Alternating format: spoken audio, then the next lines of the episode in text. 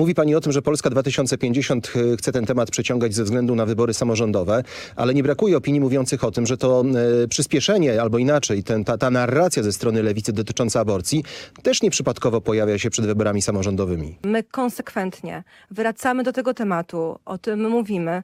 Byłyśmy tym głosem, który w czasie negocjacji programowych podkreślał, że nie ma miejsca na kompromis, jeżeli chodzi o prawa kobiet. Co jak co, ale nie można odmówić lewicy konsekwencji i nieustannego brania tego tematu na sztandary, dlatego że to jest kwestia naprawdę podstawowa. E, Jesteśmy w zadziwiającej sytuacji w Unii Europejskiej, w której kobiety nieustannie muszą bać się o swoje bezpieczeństwo, w której nie mają tego, co mają zagwarantowane nasze koleżanki, e, które mieszkają w każdym innym kraju Unii Europejskiej. I będziemy o tym mówić niezależnie od tego, czy to się podoba jakimś politykom, czy im się to nie podoba.